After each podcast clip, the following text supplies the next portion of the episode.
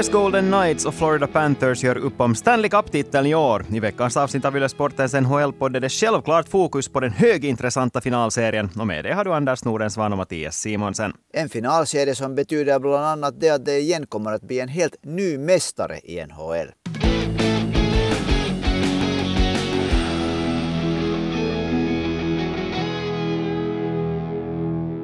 Det hann se ut i två matcher som att Dallas Stars faktiskt skulle ha vaknat till liv och kunna göra någonting som bara har hänt fyra gånger i hela NHLs historia. Att vända ett 0-3 underläge i slutspelet, i matcher alltså, till att vinna till slut. För nu fanns det ju ändå orsak att tro att de skulle åtminstone tvinga fram en match 7. Efter de där två senaste matcherna så trodde man ju, eller så tycker jag också att det fanns all orsak till det. Sen var det det där eh, intressanta frågan att, att Peter de Boer ändra på ett vinnande lag. Borde han ha gjort det? På, på, på, alltså på vilket sätt menar du att han ändrar på det? No, no, framförallt var det ju det att han tog in tillbaka Jamie Benn, okej okay, lagets kapten. Nej, jag skulle just säga, hade... jag, jag skulle just säga, före du går vidare, att inte kan du väl säga att, att det är att ändra på ett vinnande lag att man plockar in Jamie Benn efter att han har varit avstängd. No, med facit i hand så nu säger jag faktiskt det för att han var ju kanske den största orsaken till att den där tredje matchen totalt blev en flopp för Dallas när han tog den här grymt dumma totalt förkastliga utvisningen genom att slå Mark Stone med, med tvärställd klubba i nacken. Och nu när han kom tillbaks så han fick absolut ingenting positivt gjort på isen. Utan han var ju på isen både när det blev 1-0 och när det blev 3-0 och efter det var matchen i princip över. Mm. Eh, alltså jag köper nog ändå det som eh, Peter DeBoer sa efteråt, när han sa att det fanns helt enkelt inte en till sån här match där Dallas spelar med, med kniven mot strupen i spelarna. För jag förstår det att det är alldeles otroligt emotionellt dränerande och det här var den fjärde matchen för slutspel där Dallas spelade med ryggen mot väggen, där de var tvungna att vinna. Och Peter DeBoer underströk underströk ju i, sin, i sina intervjuer efter matchen att, att det är någonting som är jättesvårt att hantera. Att det kräver sån otrolig mental styrka av spelarna. Det att de klarar av att, att vinna en sån match tre gånger tyder redan på att det fanns en otrolig styrka i det laget. Men att det, det liksom räckte inte längre än så här. Och med, med det facitet på hand så tror jag också att, att Dallas inte skulle haft någonting att säga till om i en finalserie heller. Det tar jag sen inte en ställning till, för det, sen det, det, har vi sett att varje serie som det där, det, det är liksom en, en, en ny säsong som börjar. Alla serier så hemskt annorlunda att om de skulle ha tagit sig vidare dit så det där vet, vet man ju inte hur det skulle gått. Men fortfarande så är det ju nog så att Dallas egentligen förlorade den här serien då när de förlorade den där tredje matchen. Och det, eller om vi börjar liksom att, att ingen del av de där två första matchernas förlängning gick Dallas väg. Så det var liksom, det blev, det blev så mycket sånt här som, som det där skulle sen plötsligt bara allt här måste stämma. Att jag, jag håller nog med dig om det där att, och med, också med Peter DeBoer, att, att det var liksom, de var på ett sätt psykiskt och kanske nog också fysiskt liksom slut. Och lägg till det att Jamie Benn var usel. ja, alltså det är ju ganska många som påpekar nu att den här ryggraden knäcktes nog antagligen redan i den andra matchen där Dallas tappade en ledning och sen förlorade i förlängning. Att det var mm. egentligen där som de förlorade den här matchserien. Men förlora gjorde de ändå. Och en fråga ska vi ännu behandla om Dallas före vi går in på Vegas Golden Knights och hur det ser ut för dem i finalserien. Sami undrar nämligen varför spelar inte Roope Hintz mer än han gjorde? Han var ändå klart bäst i laget. No, inte kan man säga att han var klart bäst i laget. Han gjorde mest poäng i laget.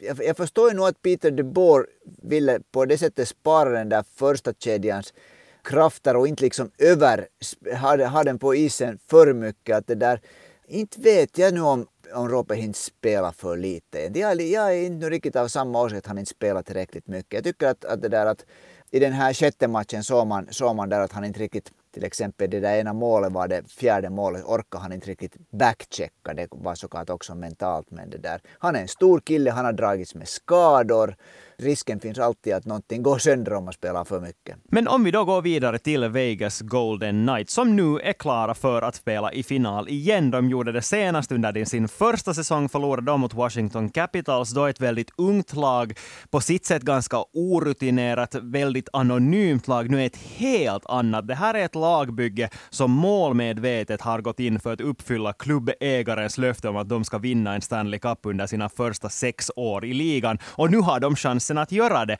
Anders, ser du Vegas Golden Knights som förhandsfavoriter om vi börjar på det sättet? Jag måste säga att jag har suttit och funderat på det här nu i några dagar redan och det där hur jag än vrider och vänder så jag kommer inte på något sätt att komma till någon liksom egentligen förhandsfavorit för det är så det, är så, det har varit ett så på det sättet besynnerligt slutspel. Och nu kommer det ett lag från väst, de har spelat i över en månad, en och en halv månad sitt spel där i väst. Så kommer Florida från öst, de har gått igenom grymt tuffa matcher där det har varit annorlunda kanske spel också, där kanske annorlunda liksom sån här, hur ska man säga, på något sätt mental intensitet där. Före den första matchen så det kan ju bli en 4-3-serie, men jag skulle inte vara överraskad fast ena laget sen skulle vara helt liksom klart bättre än det andra. det här känns ju som att det kan slut vara över redan efter fyra matcher. Att det, det skulle inte faktiskt, nej jag håller med dig, det skulle inte överraska ett dugg om det skulle gå så. Men om vi istället säger så här då, hur skulle du beskriva Vegas Golden Knights som lag för de som lyssnar och som inte har tittat på värst många av deras matcher? Först och främst, de vann den bästa konferensen. Det ska vi komma ihåg. De vann den bästa konferensen. I Finland följer man inte med Vegas Golden Knights så mycket för där finns inga finländska spelare. De var bäst i bästa konferensen när det gäller poäng. Det är ett lag som, klyschornas klyscha, det är en väldigt stark lagmaskin som speciellt är otroligt starkt äh, när det gäller att, att vara liksom besvärliga att spela mot. De har tre backpar var alla backparen är stora, starka, elaka och väldigt bra på att liksom dominera det där, eh, egentligen på båda blåa, blå, blåa linjerna, att vara svåra att forcera. Jag skulle lyfta fram att den största orsaken till att de är ett sånt, för alltså jag skriver helt under din analys, men jag vill ändå lyfta fram att det största namnet som man ska ha koll på när man talar om Vegas Golden Knights, så det är tränaren Bruce Cassidy. Det är egentligen alldeles otroligt fortfarande. Det här är någonting som vi sa redan förra sommaren, att det var helt otroligt konstigt, märkligt att Boston Bruins gav sparken åt honom och att Vegas Golden Knights helt gratis fick en sån tränare som sen bevisligen var exakt det vad de behövde. Och det är jättemånga som har lyft fram nu att det som han framförallt lyckades med, så det var att få ut max av Jack Eichel. Som när han trädades in från Buffalo Sabres, så för det första spelade han ju inte som den kärna som man då kanske förväntar sig att han skulle vara. Det var lite så att jo, att han har varit dålig i Buffalo, men Buffalo är en rutten organisation, att Vegas Golden Knights Knights. Här, här föds framgång och här kommer han att klara sig. Men hans första säsong där var ju inte särdeles bra. Jo, lite så här skadeproblem och sådär, men ändå att han aldrig liksom ändå inte kom upp till den nivå som många hade väntat sig, vilket han ju minsann har gjort nu senast under slutspel. Och det är många som lyfter fram att Bruce Cassidy är orsaken till att han har gjort det och Bruce Cassidy är orsaken till att laget igen har gått från att vara det där topptippade laget som missar slutspel helt och hållet till att vara med på, med, alltså, nu är de ju det starkaste laget i den västra konferensen. Nu det, det, det är helt sant. Det, det, det, de vann västra konferensen. Det, där, jo, det här, det här liksom Cassidys inverkan på Jack Eichel och på att Jack Eichel nu då verkligen har blivit en, en, en stjärna, en superstjärna nästan kan man väl säga. Efter att ha haft, haft många liksom, det har funnits löften men det har inte infriats. Nu är han en spelare som gör någonting som man aldrig såg honom göra i Buffalo Sabres. Han, liksom, han börjar inte att hänga med, med, med huvudet när inte grejer går precis som han vill. Och han backcheckar, han jobbar hemåt. Och det, där, och det är väl nog så att jag hörde en analys som sa att Bruce Cassidy sa att, har sagt åt, åt Jack Eichel att det där att det här liksom en, en hypotetisk diskussion mellan dem att hej att jag har coachat Patrice Bergeron. Jag kan berätta åt dig hur en center måste spela. det är antagligen så som man har kunnat säga. Men så ska jag inte heller säga att, eller det som jag också vill lyfta fram här när vi talar om Jack Eichel och överlag det att Vegas Golden Knights går så bra, så det är nog det ändå att ledaren i omklädningsrummet heter Mark Stone. För jösses en sån vinnarskalle och en, på sitt sätt en samma sorts spelare som Matthew, Matthew Tachake som vi har pratat om jättemycket i Florida Panthers. Att Mark Stone är ju den sortens ledare i Vegas Golden Knights. Men nu är ju Alex Pietrangelo det också. Jag skulle säga att, att, att de har två sådana här, det är ju bra att ena är en forward och andra en back. Två sådana här liksom både fysiska och psykiska klippor som det där får laget att marschera i den riktning som de visar. Mm, och sen när du nämnde Patrice Bergeron så vill jag också lyfta upp en viss diskussion som har börjat ta fart nu, speciellt under Dallas Stars-serien. Och det var det att William Karlsson kanske ändå borde vara den som borde vara Vegas Golden Knights stora Conn Smythe-favorit. För vi talade ju om det redan förra veckan, att Jack Eichel ju är den stora favoriten att vinna Conn Smythe om Vegas går hela vägen. Men att det var många som lyfte fram att det jobbet som William Karlsson allt gör bakåt mot motståndarnas bästa spelare, plus då det att han i den här serien satte in alldeles otroligt viktiga mål, gör honom till liksom den här ena, jag vill inte kalla honom birollspelare, men ändå liksom den här centern bakom de här stora stjärnorna som kan vara det där X-faktorn som räcker till i finalserien en väldigt bra poäng. Som sagt, han, han spelar mot, de ville ha honom inne mot Conor McDavid hela tiden. Han lyckades väldigt bra med det. Han lyckades i många matcher också bra mot Dallas första kedja, inte i alla matcher, men i många matcher lyckades det. Och det där, och faktiskt, han är ju inte alls på sättet ens någon dåligt för det är han som, har, som leder skytteligan i Vegas. Han har skjutit tio mål.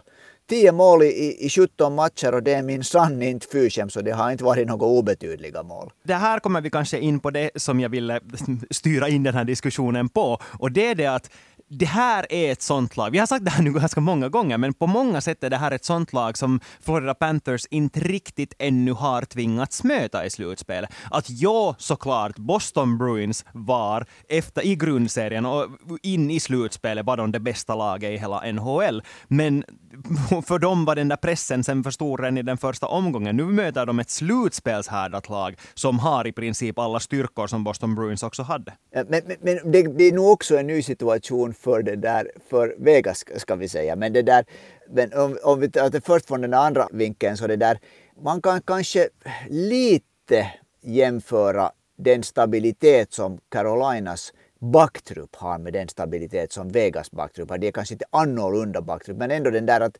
Florida har liksom lyckats knäcka ett, ett lag som är väldigt eh, bra på att försvara och Vegas är väldigt bra på att förklara, försvara också, så där tycker jag det finns vissa sådana här likheter. Ja, men sen kommer vi också fram till det att Carolina saknar helt den där spetskompetensen, för att nu kom de ju till lägen att sätta in pucken, de bara satt ja. inte in pucken. Och den spetskompetensen finns det minsann av i, i Vegas. Nej, det skulle vara väldigt lätt på något sätt, nu när, nu när den här matchen har satt sig liksom på, på näthinnorna och det är över en vecka sedan Florida har spelat, så ja, på, på något sätt väldigt lätt att tycka att, nej, att nu är ju Vegas klar favorit i den här det där serien. Men så ska vi faktiskt komma ihåg att det är liksom hur det nu sen än har skett så har Florida slagit ut Boston Bruins som var det där största favoriten att vinna Stanley Cup. Den bästa serien, grundserien någonsin i NHL. Toronto Maple Leafs som det här året, uh, vi var inte de enda som trodde att nu är det, nu är det, det där Torontos år. Carolina Hurricanes som trots att de hade eh, tappat ett par spelare var en lagmaskin som år efter år bara liksom är väldigt svår spelare. Så att Florida är nog ett lag som det där, på engelska säger man rises to the occasion.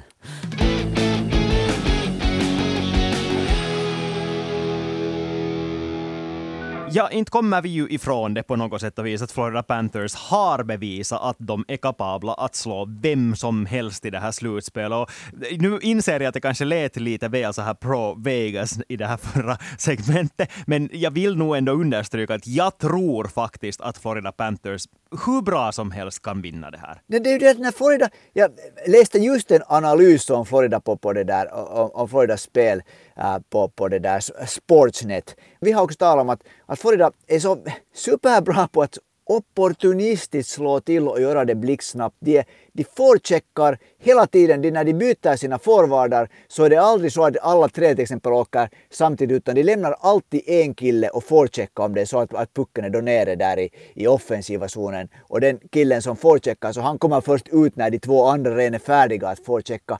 De är väldigt bra på att snabbt vinna puck och vända och sen kommer målet jätte, jättesnabbt efter det det, är liksom, det, det är väldigt bra på den här opportunismen som de, som de har i sig. Så det är nog ett, det är nog ett besvärligt lag att möta. Mm, och så är det den, den här mentala styrkan som vi lite var inne på att Dallas kanske inte riktigt hade och som Vegas då bevisligen har. Så den har ju minsann Florida Panthers också. Att de gick in i slutspelet med noll förväntningar på att ens vinna en endaste match mot Boston Bruins. Det var ju många som tyckte att Boston nog minsann ska svepa ett Florida som halkade in i slutspelet på ett bananskal. Att Florida Panthers sen efter det slog Boston Bruins utan press, slog Toronto Maple Leafs utan press, började kanske för första gången känna en liten press mot Carolina Hurricanes. vad gör de då? De sveper dem. och sen att de här killarna hela tiden verkar så otroligt avslappnade, för jo, man får ju inte såklart en helt sanningsenlig bild från intervjuer och så här, men ändå så kan man ju ändå pela lite av den här stämningen inom laget på basis av hur de uppträder framför media. Och jag tycker att de här spelarna verkar så otroligt avslappnade och faktiskt verkar njuta av det här. Och de flesta av er har säkert sett den här videon på Paul Maurice som går in i omklädningsrummet efter den här sista segern och säger att det här är den tiden som ni kommer att minnas för resten av era liv. Att ta vara på den här tiden, den här själva processen, vart det än går och att njuta av det här att vi är tillsammans. Och det, det, liksom, det känns så genuint och så verkligt på något sätt, att den där glädjen faktiskt finns där. Den är ju såklart så naturlig efter det att de knappast kom med. Det kom med till slutspelet helt nästan via en slump till slut och sen har det bara rullat på. Det som jag tycker att vi, när vi har talat om hurdana lag de tidigare har mött, så det som blir väldigt intressant nu, att när vi, just, vi höjde just William Carlson till sjuan av, av det där goda orsaken att han är en väldigt bra tvåvägscenter. Nå nu, en spelare som också smög sig så småningom in i, i det där i, i slutspelet och nu enligt all statistik som kommer fram så har han varit på gränsen till att vara den mest dominerade enskilda spelaren när det gäller vad som händer när han är inne på isen. Det är Alexander Barkov för tillfället. Nu har Florida en sån center som borde vara kapabel egentligen att nolla vem som helst. Ja, alltså jag läste faktiskt en jätteintressant intervju som The Athletic hade gjort med just Paul Maurice inför den här finalserien. Han var jätteöppen och jätteärlig om, om en massa saker. Till exempel just att den här mentala styrkan som spelarna har, att det kommer från spelarna själva. Att, Eh, det, det exempel som de använde där var den här matchen i, i slutet av mars mot Toronto Maple Leafs när det spred sig bilder på hur Maurice bara skrek åt spelarna efter att de hade släppt in ett, ett baklängesmål mot Toronto Maple Leafs då och att han sa att de, de liksom då spelarna insåg att det är de som måste faktiskt vinna de här matcherna. Det är inte tränaren som vinner matchen utan spelarna och sånt Och det tycker jag är jätteintressant. Men det som han också lyfter fram och någonting som är värt att minnas tycker jag när det frågades om hur Aaron Ekblad och Alexander Barkova utvecklas under det här slutspelet. För det är ju någonting som vi har lagt märke till också. Så han påpekar att det här är killar som har spelat jättelite slutspelshockey. Och det är ett faktum som jag tror att vi också glömmer på sitt sätt. För att jo, Florida Panthers har gått i slutspel de tre senaste åren också. I fjol gjorde de det som jättestora favoriter. Men samtidigt så är slutspelet en helt egen värld där man ändå måste lära sig att att anpassa sig framförallt mentalt på ett annat sätt. Och det sa han att de här killarna har gjort nu. Det har inte funnits där tidigare. Men att just framförallt Alexander Barkov och Aaron Ekblad senast i den här serien mot Carolina Hurricanes insåg vad det är som krävs för att gå långt i ett slutspel. Ja, och den här det där kedjan nu med Alexander Barkov och Carter Verhegi och Anthony Duclair, så de har väl efter det där eh, problematiska starten mot Boston så, så har, de, har inget lag lyckats liksom vinna matchen i matchen mot dem, tror jag, riktigt i en enda match. Mm. Och det blir jätteintressant att se vem de kommer att spela mot. För mitt stalltips är ju nog det att Barkovs kedja kommer att spela mot Eichel och Stone. Jo, om Eichel och, nu har ju Eichel och Stone inte varit så väldigt mycket i samma kedja. Det, det blir säkert igen ett, ett pussel som läggs ihop helt en, en, för att, för att det där skräddarsy för den här matchserien. Men jag tror ju också att man ser att Barkov mot Eichel är säkert det som Paul Maurice skulle vilja se. Det skulle, jag, det skulle jag vilja säga. Och sen räknar man med att den här kedjan med Bennett och, och Matthew Kachak och Nick Cousins de ska klara av utmaningen av William Karlssons trio. Mm, och där igen, för att du hade ju rätt senast när vi talade om det här, att hur de här lagen kommer att matcha sina kedjor mot varandra. Så här känns det ändå nästan till och med som att Anton Lundell, Eetu Luostarinen och Sam Reinhardt också skulle kunna klara av det uppdraget ganska bra. Jo, det, alltså det är intressant. Det som jag tycker att är en sån här styrka med Florida, de, här, de har tre kedjor som alla har varit jättebra eh, Eh, liksom, och till och med emellan dominerande. Men de är alla hemskt annorlunda kedjor på ett sätt. De är alla så kallat forecheckar det där starkt. Men de är inte, liksom, de är inte sådana kedjor att det kommer ut en kedja som ser ut som den vet du, föregående kedjan. Det är liksom de har lite olika styrkor och man kan säkert liksom pussla och se att var de passar in allra bäst. Mm. Och det blir jätteintressant framförallt att se hur Vegas nu i början väljer att matcha. För jag tror nog ändå att de också vill att William Karlsson spelar mot Chucks kedja. Känns det som åtminstone spontant. Det tror jag också. Men liksom en sak som jag tycker att Vegas har en fördel i den här kedjeruletten också och åtminstone nu på förhand får se om man får rätta upp de här orden. Jag tycker att Vegas fjärde kedja är starkare än Floridas fjärde kedja. Nu går vi väldigt långt ner i det där, men alla små marginaler kan, kan ha en, en avgörande liksom inverkan. Ja, det kan det absolut och jag, jag, tycker att det där är en jättebra poäng. Men en jättestor bidragande faktor som Florida har på sin sida är att de har Sergej Bobrovski. Ja. Vegas Golden Knights har inte en enda mål. Jo, hur bra Aiden Hill hen har varit nu i slutspelet så har han inte varit på den nivå som Sergej Bobrovski har varit. Och det är bra att vi kommer in på det, på det här nu, för att om Sergej Bobrovski är samma Sergej Bobrovski som han har varit efter det där femte matchen mot, mot Boston, så då är det nog jag är nästan frestad att säga att det är egentligen samma.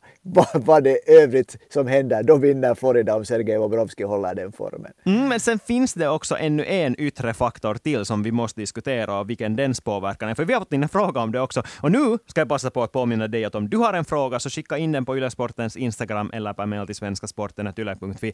Jonas påpekar att det har gått ganska länge sedan Florida senast har spelat en match i och med att de svepte Carolina Hurricanes. Närmare bestämt så när den första finalen spelas natten till söndag finns tid, så då kommer det att ha gått tio dagar sedan Florida spelade senast. Är det här en fördel eller en nackdel? Det är nog en bra fråga. Jag tror att vi också funderar mycket på det där. För alltså, det är igen en sån här sak. Man, man vet inte. Hittills har ju Florida alltid kommit väl tillbaka när de har haft en paus och varit grymt starka direkt. Men det där men det här är en lång paus och de har hunnit fundera på nu att hej, att nu är det Stanley Cup-final. Vi har chans att vinna Floridas första Stanley Cup någonsin. Det där Sergej Bobrovski har hunnit fundera på det här. Det är hur det påverkar det här laget och hur Paul Maurice har kunnat påverka det. Så det blir intressant. Jag att Den första matchen kommer att bli helt sjukt intressant. Mm, alltså jag ska lyfta fram den här statistiken här. Det har hänt fem gånger den här säsongen att Florida Panthers har haft en minst fem dagar lång vila de har vunnit varje match efter en så lång vila. Det här är ett lag som bevisligen kan ta vara på de här lediga stunderna. Nu tänker jag lyfta fram några positiva saker med det här, som jag tror att kommer att bidra till att Florida till och med kan vinna den första matchen mot Vegas. För det första, Alexander Barkov har någon form av skada som han spelar med. Eetu Luostarinen drog på sig någon form av skada den sista matchen mot Carolina Hurricanes. De här båda har nu fått vila upp sig och läka sina, slicka sina sår helt enkelt och kommer att vara i bättre form än om den här serien mot Carolina skulle ha blivit lång. För det andra så har den här långa pausen tillåtit den där pressen på dem att bli ännu mindre. För att Miami Heat har gått till final i NBA och det är ungefär lika otippat som att Florida Panthers är där. Och så vet vi att Florida och framförallt Miami-området, så de är ju basket jättetokiga. Inte bryr de sig lika mycket om hockey inte. Och jätterolig detalj det här förresten. Det här blev det första året någonsin då ett lag från en stad, i det här fallet Boston, att deras lag i både basket och ishockey förlorar mot det lag som var det sista att gå med till slutspelet, som dessutom kom från Florida. Jätteroligt av nordamerikansk detalj att lyfta fram, men ändå. Det här tycker jag är bra för pressen bort, för när du säger att att, att, det där, att ishockey är inte lika stort i Miami som basket. Så jag tror att det där, hur, ska man, hur ska man få det där ordet att vara tillräckligt starkt för att liksom, det är ju två helt olika världar. Det är faktiskt två liksom alldeles olika världar. Och på sitt sätt liksom ger det ju, alltså jag tror ju ändå att, att fast den här mentala inställningen hela tiden har varit hos truppen att äh, det här är bara en jätterolig grej och vi känner ingen press. Så nu kanske det kommer utifrån ändå sen när man väl går till en finalserie. Men nu tror jag att det faktiskt är inte värst många som bryr sig som är positiv sak, medan Vegas ändå på sitt sätt har gått att bli en hockeystad och att det där hela tiden finns de där förväntningarna på att det här laget som har satsat som mål medvetet sedan dag ett på att, eller ska vi säga sen dag ett efter att de gick till finalserien första gången. Så efter det har de ju gått, som många säger, all in, som nu hör till när man är i Vegas. Att man faktiskt satsar allt på att bygga ett så pass bra lag som möjligt som ska nå framgång nu. Alltså på det sättet, jag håller med precis om att, att Vegas, och som sagt Vegas vann västra konferensen och förra året, det har talats varje år nu äntligen att, att, Vegas, att det här laget ska kunna vinna Stanley Cup och det där. No, det har kanske lite talats om Florida också då efter det där när de vann Presidents Cup. Eh, förresten, äh, förresten jätteintressant grej om det där som jag lärde mig av den här intervjun med Paul Maurice som jag läste också. Bill Sido hade övertalat honom att komma genom att säga att det här, den här kommande säsongen kommer att bli jättesvår för oss. Och de hade förutspått att Florida till och med kan missa slutspel den här säsongen, trots att de vann President's Trophy. Att de, de upp, uppfattar situationen som så, därför valde Paul Maurice att komma med, för att han tyckte att det här är ett lag som kan ha en sämre säsong, men att de ändå har alla pjäser på sin plats för att sen bygga upp någonting därifrån. Att det är inte en total rebuild, men en sån här passlig rebuild för en så erfaren tränare som Paul Maurice. Så nu gick de ändå så här redan den där första säsongen. Och det där är ju absolut också någonting som påverkar. Att, att när laget vet att, att, jag vet nu inte hur tydligt det har kommuniceras ut åt dem, men ändå liksom att det någonstans inom den här organisationen har finns, funnits den där tron att, att okej, okay, den här säsongen kan bli lite av en mellansäsong det, det, blir den där lilla, lilla liksom den här vi mot världen-grejen som alltid, alltid på något sätt tycks vara helt otroligt viktig i de här situationerna.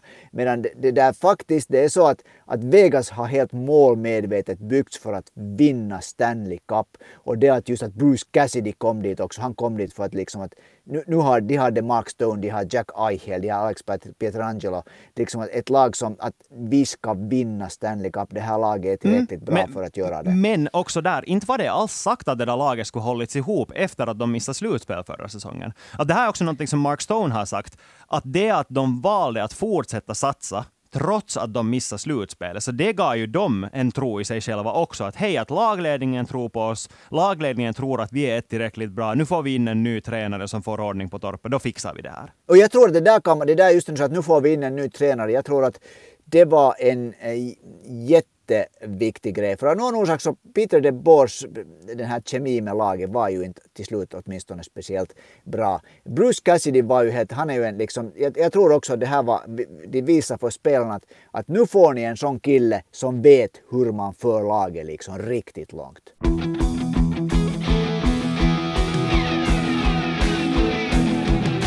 Men hej, nu måste vi tippa. Hur kommer det att gå? Vem är det som lyfter bucklan till slut? Är det Bruce Cassidy och Vegas Golden Knights eller är det Paul Maurice, Alexander Barkov, Eetu Luostarin och Anton Lundell och Florida Panthers? No, nu tänker jag nog helt enkelt tippa med hjärta eftersom jag faktiskt är helt oviss. Så nu tippar jag nog bara att det går så att, att laget med tre finska, tre finska spelare tar hem det här och Tuomo Ruutu i båset. Ja, just det, honom glömde jag ju faktiskt. Men jag tänker säga att jag nog ändå tror mer på Vegas Golden Knights. De är så otroligt starka just nu och fast jag borde veta bättre bättre än att, än att börja tippa emot Florida Panthers igen, så tänker jag göra det. Jag tror att Vegas Golden Knights vinner. No, det, någondera tippningen kommer att stämma den här gången. En sista fråga hinner vi ännu med. Tumpi undrar, vem har varit vår favorit Doldis i slutspelet så här långt? No, min favorit Dollis i slutspelet eh, måste jag nog säga att har varit, tycker jag, Eetu Luostarinen. För jag tycker att Eetu Luostarinen har varit så jätte, jättebra och det talar inte ännu eller tillräckligt mycket om honom. Han är nu kanske inte direkt en dollis, men mitt svar är ändå att William Karlsson har åtminstone presterat mycket bättre än vad jag hade förväntat mig före slutspelet. Och han är ändå en sån spelare som jag tror att kan leda Vegas hela vägen. Så där, nu, har vi, nu har vi också styrkt våra tippningar på det här sättet. Det, det kan bli roligt, för vi kan se ganska mycket Luostaren och Karlsson i rinken samtidigt. Och med det tar vi och sätter punkt för det här avsnittet av Yle Sportens NHL-podd. Stanley Cup-finalserien kör igång natten mellan lördag och söndag. Yle sänder såklart alla live med svenska kommentarer av antingen mig eller Anders. De matcherna ser ni direkt i TV2 och på arenan också i efterhand. Vi hörs igen nästa tisdag. Tack och hej och ha det bra.